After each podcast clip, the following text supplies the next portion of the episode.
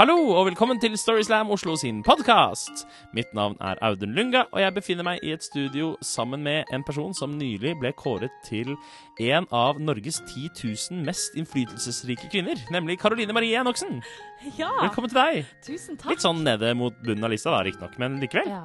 Ja. Det er jo ganske langt nede, da. Ja, ja. Hvis det er 10 000 navn. Ja, ja, Men du er fortsatt en av de 10 000 mest innflytelsesrike kvinnene i Norge. Jeg, jeg Ja. tror det er sant. Og den tar jeg. Ja. Ja da. Gratulerer. Tusen hjertelig takk. Ja. Ja. Eh, vi skal høre noen historier i denne podkasten, og disse historiene ble eh, fortalt på Storyslam Oslo sitt live-arrangement eh, på Kulturhuset eh, den 24. september 2018. ja. Mm. Og den første fortelleren som eh, vi skal høre i denne episoden her, det er Malin Landa. Og denne kvelden på Kulturhuset i Oslo så vant hun Ja. Storyslam. Og det betyr jo at hun òg skal stå på scenen under vårt finaleshow på Rockefeller Grand Slam. Grand Slam, som er nå på mandag 26. november. Så Vi da kommer til å gjenta den datoen i løpet av podkasten, Altså så mye. så du får en ny sjanse til å skrive den ned. Ja, det får du. Her er fortellingen til Malin.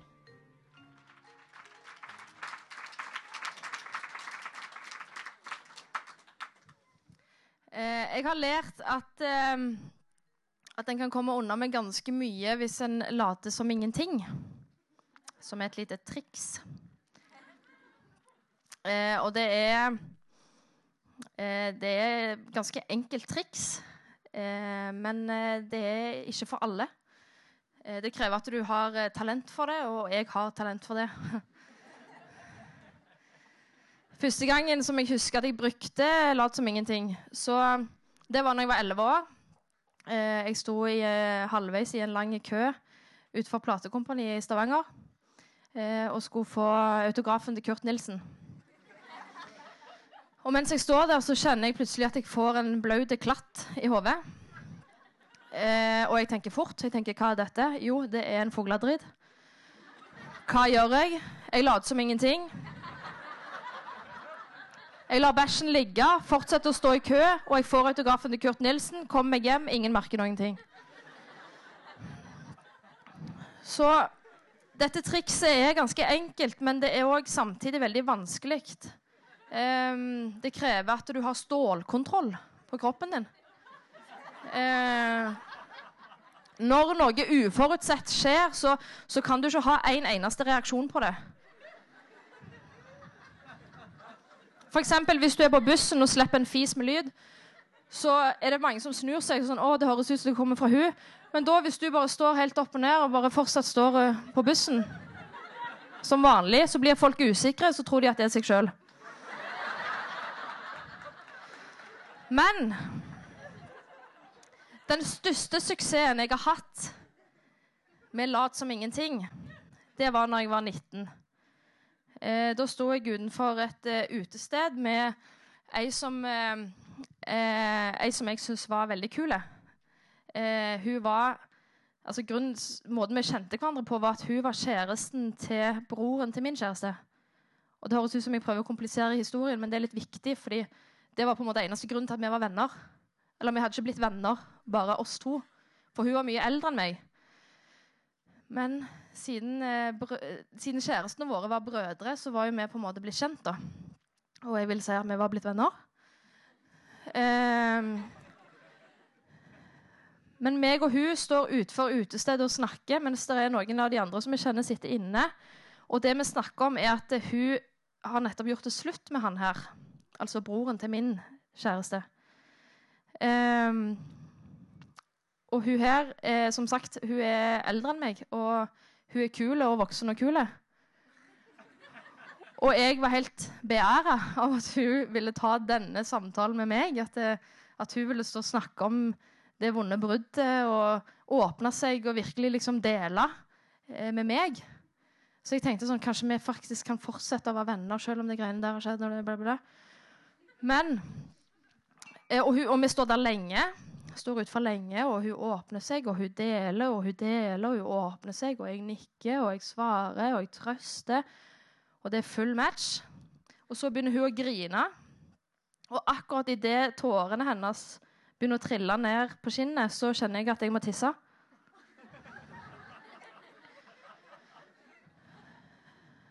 Og da tenker jeg, hva gjør jeg nå? jeg har ikke lyst å avbryte denne samtalen her. Eh, og så kjenner jeg at det, det er alkoholblærer på gang. Jeg vet ikke om dere har kjent med det, men det er veldig sånn hissige blærer som, som ikke gir seg, da. Eller som er liksom nå, nå skjer det. Nå må vi komme i gang. Eh, så jeg bestemmer meg for å inngå et kompromiss med blæra mi og bare tenke at jeg, jeg slipper litt bare for å lette litt på trykket. Det høres ut som det er kanskje andre som har opplevd det og skjønner at det er et tapprosjekt. For blæra mi blir ikke med på det kompromisset. Så jeg begynner å tisse.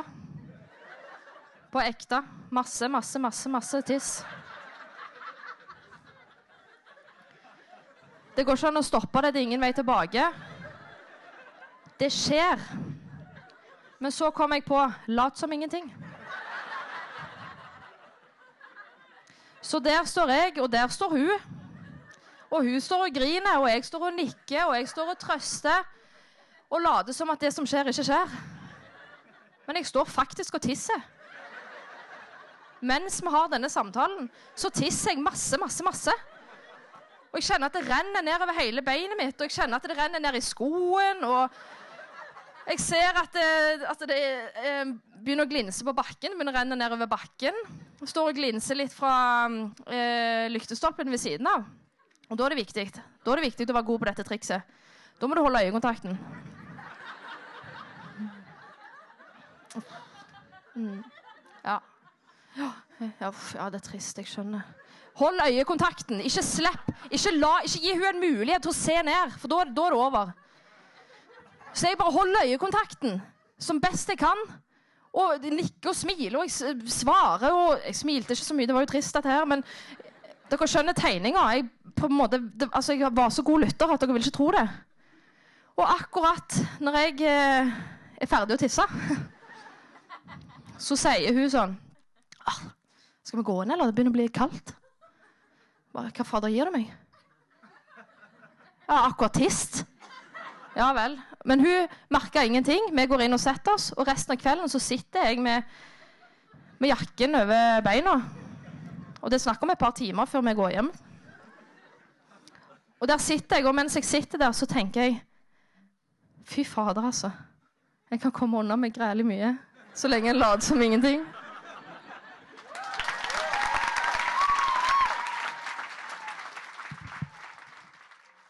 Tusen takk til Malin. Har du noe erfaring med den der eh, lat som ingenting-taktikken, Audun? Nei, ikke personlig, men jeg vil jo si at uh, enkelte statsministre i eh, nåværende sittende regjeringer bruker ofte den samme taktikken. Åh! Nå ble det plutselig politisk debatt. Nå ble det Dagsnytt Ja, politisk kvarter. Ja. Mm. Og da hadde det jo vært betimelig med en kommentar fra ja, Lars Nehru Sand, Ja. eksempel. Du er litt forelska i Lars Nehru Sand, politisk eh, kommentator i eh, NRK Nyheter, er det ikke det? Ja, men altså, er det rart? Nei. Nei. Og jeg er faktisk ikke alene om det, for hvis Nei. du googler Lars Nehru Sand, Som du har gjort mange ganger. så kommer det opp Lars Nehru Sand, kjæreste. Eh, Nettopp. Så hvis det er noen der ute som er på jakt etter kjærligheten, så ta kontakt med Lars Nehru Sand, politisk kommentator i NRK Nyheter. Dette har gått fra å være en podkast om Storyslam til å bli politisk debatt, og nå er det blitt en kontaktannonse på vegne av uh, Lars Nehru Sand. Ja. En elektronisk sjekkearena. Yes. Det gikk fort. Jepp. Ja, ja. Ting går fort. OK, ting går fort. Men apropos politisk engasjement Ja, vi har gått litt bort fra det, men greit. ja, OK. Eh, så har vi jo en forteller til i denne episoden. her. Jarl Våge han er en pensjonert eh, lærer som har eh, figurert på Storyslam-scenen flere ganger. Han er jo òg en veldig engasjert samfunnsdebattant. Mm, han har ofte ting på trykk i diverse medier. Ja. Mm. Og har en klok og vis stemme. Ja. Uh, Jarl Våge han eh, vant jo uh, vårt Grand Slam-show i Ja, 2016. det gjorde han. Så han er jo en, en Ja, han har jo gjort det veldig bra. Mm. Uh, og han kommer også til finalen i den historien vi nå skal få høre, som da som sagt ble fortalt den 24. september.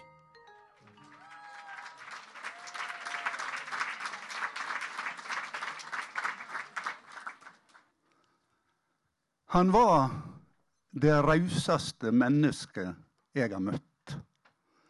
En god venn, kjær kollega. Morsom, klok litt gal. En gudebenåda danser. En gourmetkokk av dimensjoner. Å bli invitert på middag til han var som å bli invitert til Babettes gjestebud gang på gang. Og som om ikke maten var nok. Av og til lå der ei lita, men velvalgt gave på tallerkenen til hver av gjestene. Han var et unikum. Da han fikk vite at han var hiv-positiv, og det verste sjokket hadde lagt seg, takla han det òg med rakrygga kampvilje.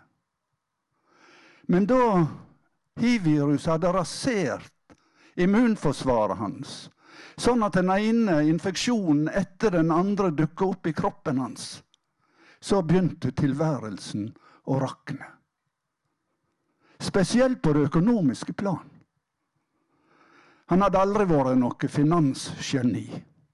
Rause mennesker er ikke det. Men nå dumper det ene inkassokravet etter det andre ned i postkassa hans. Spesielt til Telenor hadde det akkumulert seg ei gjeld på mange tusen kroner. Noe som førte til at de hadde stengt telefonen hans. For en i hans situasjon, som stadig hadde behov for akutthjelp, var telefonen ei redningsbøye. Å være uten gjorde tilværelsen komplisert og dramatisk.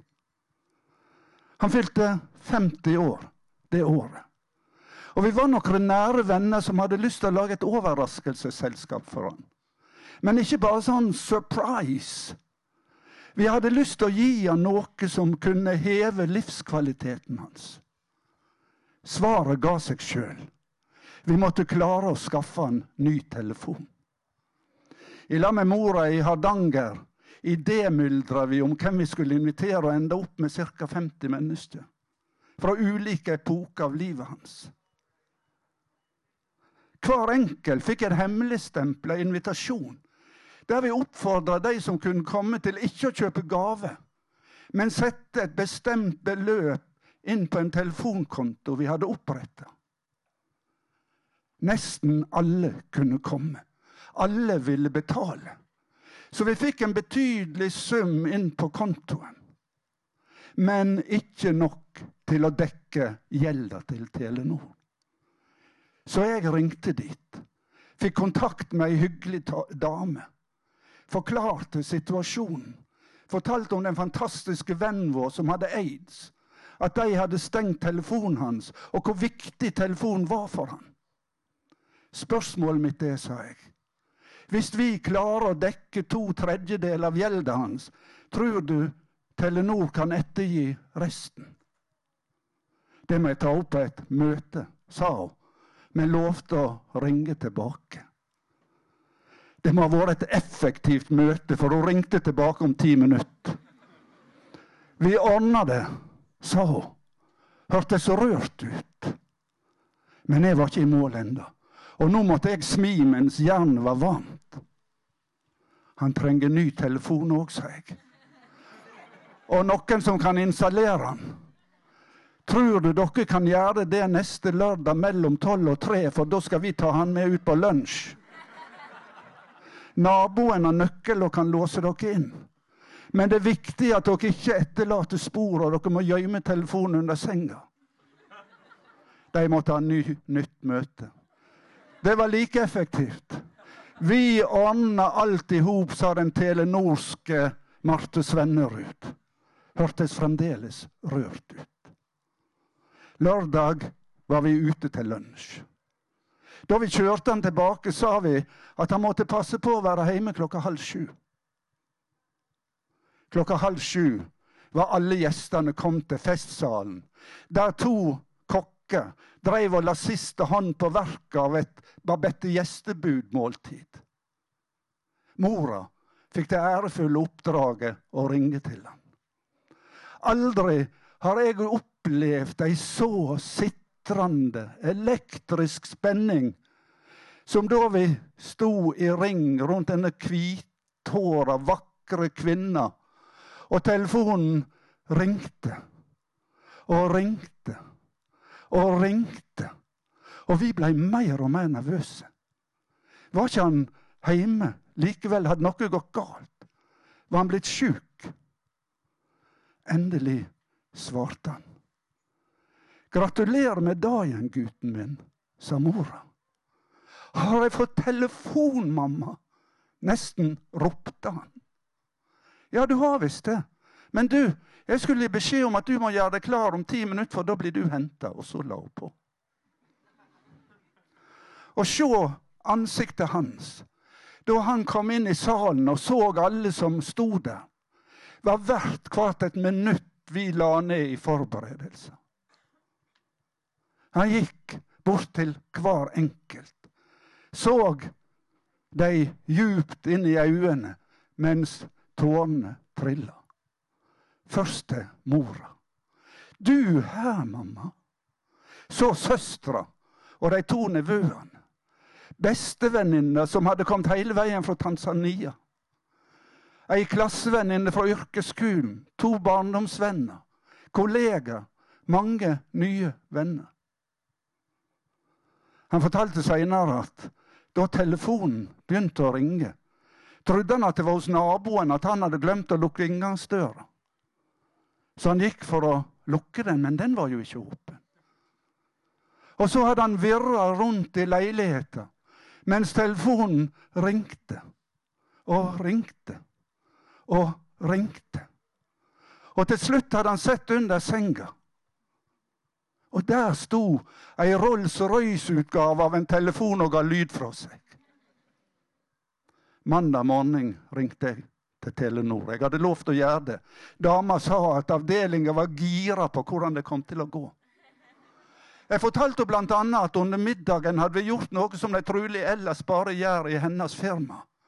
Vi reiste oss opp og utbrakte en skål for Telenor, som den kvelden hadde vært med på å lage magi, sånn at vi kunne få lov å gi noe tilbake til det rauseste mennesket jeg har møtt.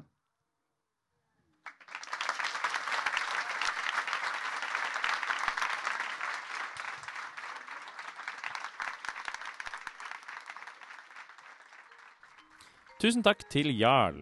Ja. Og neste Storyslam, Audun, Mm. det er jo bare et par dager unna. Yes. Det er på mandag 26. november klokka 20.00 på Rockefeller. Ja, så der fikk du en ny sjanse til å skrive ned den datoen. Jepp. Og det blir gøy. Det, kommer, det er jo vårt finaleshow, hvor det kommer masse tidligere finalister og vinnere fra gjennom året. Ja. Eh, og billettsalget er godt i gang, Ja. og det går strålende. Og Det det, kommer til å bli fullt. Det har det blitt eh, de, de to siste årene vi har vært på Rockefeller. ja. Så du må sikre deg en billett nå. Ja, og nå, nå. For da får du sjansen til å se Malin Landa eh, delta. Ja. Og, og, og, og jeg kommer til å være der. ja, du kommer til å være der. Og du kommer til å være der, Karoline. Ja, jeg skal òg være der. Og du kommer til å sitte i et hjørne og selge merch. Selge og signere merch. Så hvis du vil ha en Ja, selge og signere merch. Så hvis du vil ha en caps med Karoline sitt smil, så kan du få det der. Ja, med sånn Ja. influensersmil. Ja. Håndsydd av kinesiske slavearbeidere. Oi, ja. Eller en liten, lite miljøvennlig tote bag. Ja. Jeg vet, ikke, jeg vet ikke hva en tote bag er for noe, men det ser sikkert bra ut med ansiktet ditt på. Ja. Ja. og mens du venter på Grand Slams, følg oss på Facebook og Instagram. ja. Og ja. Abonnere på denne podkasten, Ja. som kommer ut med ujevne mellomrom. Takk for nå. Takk for nå.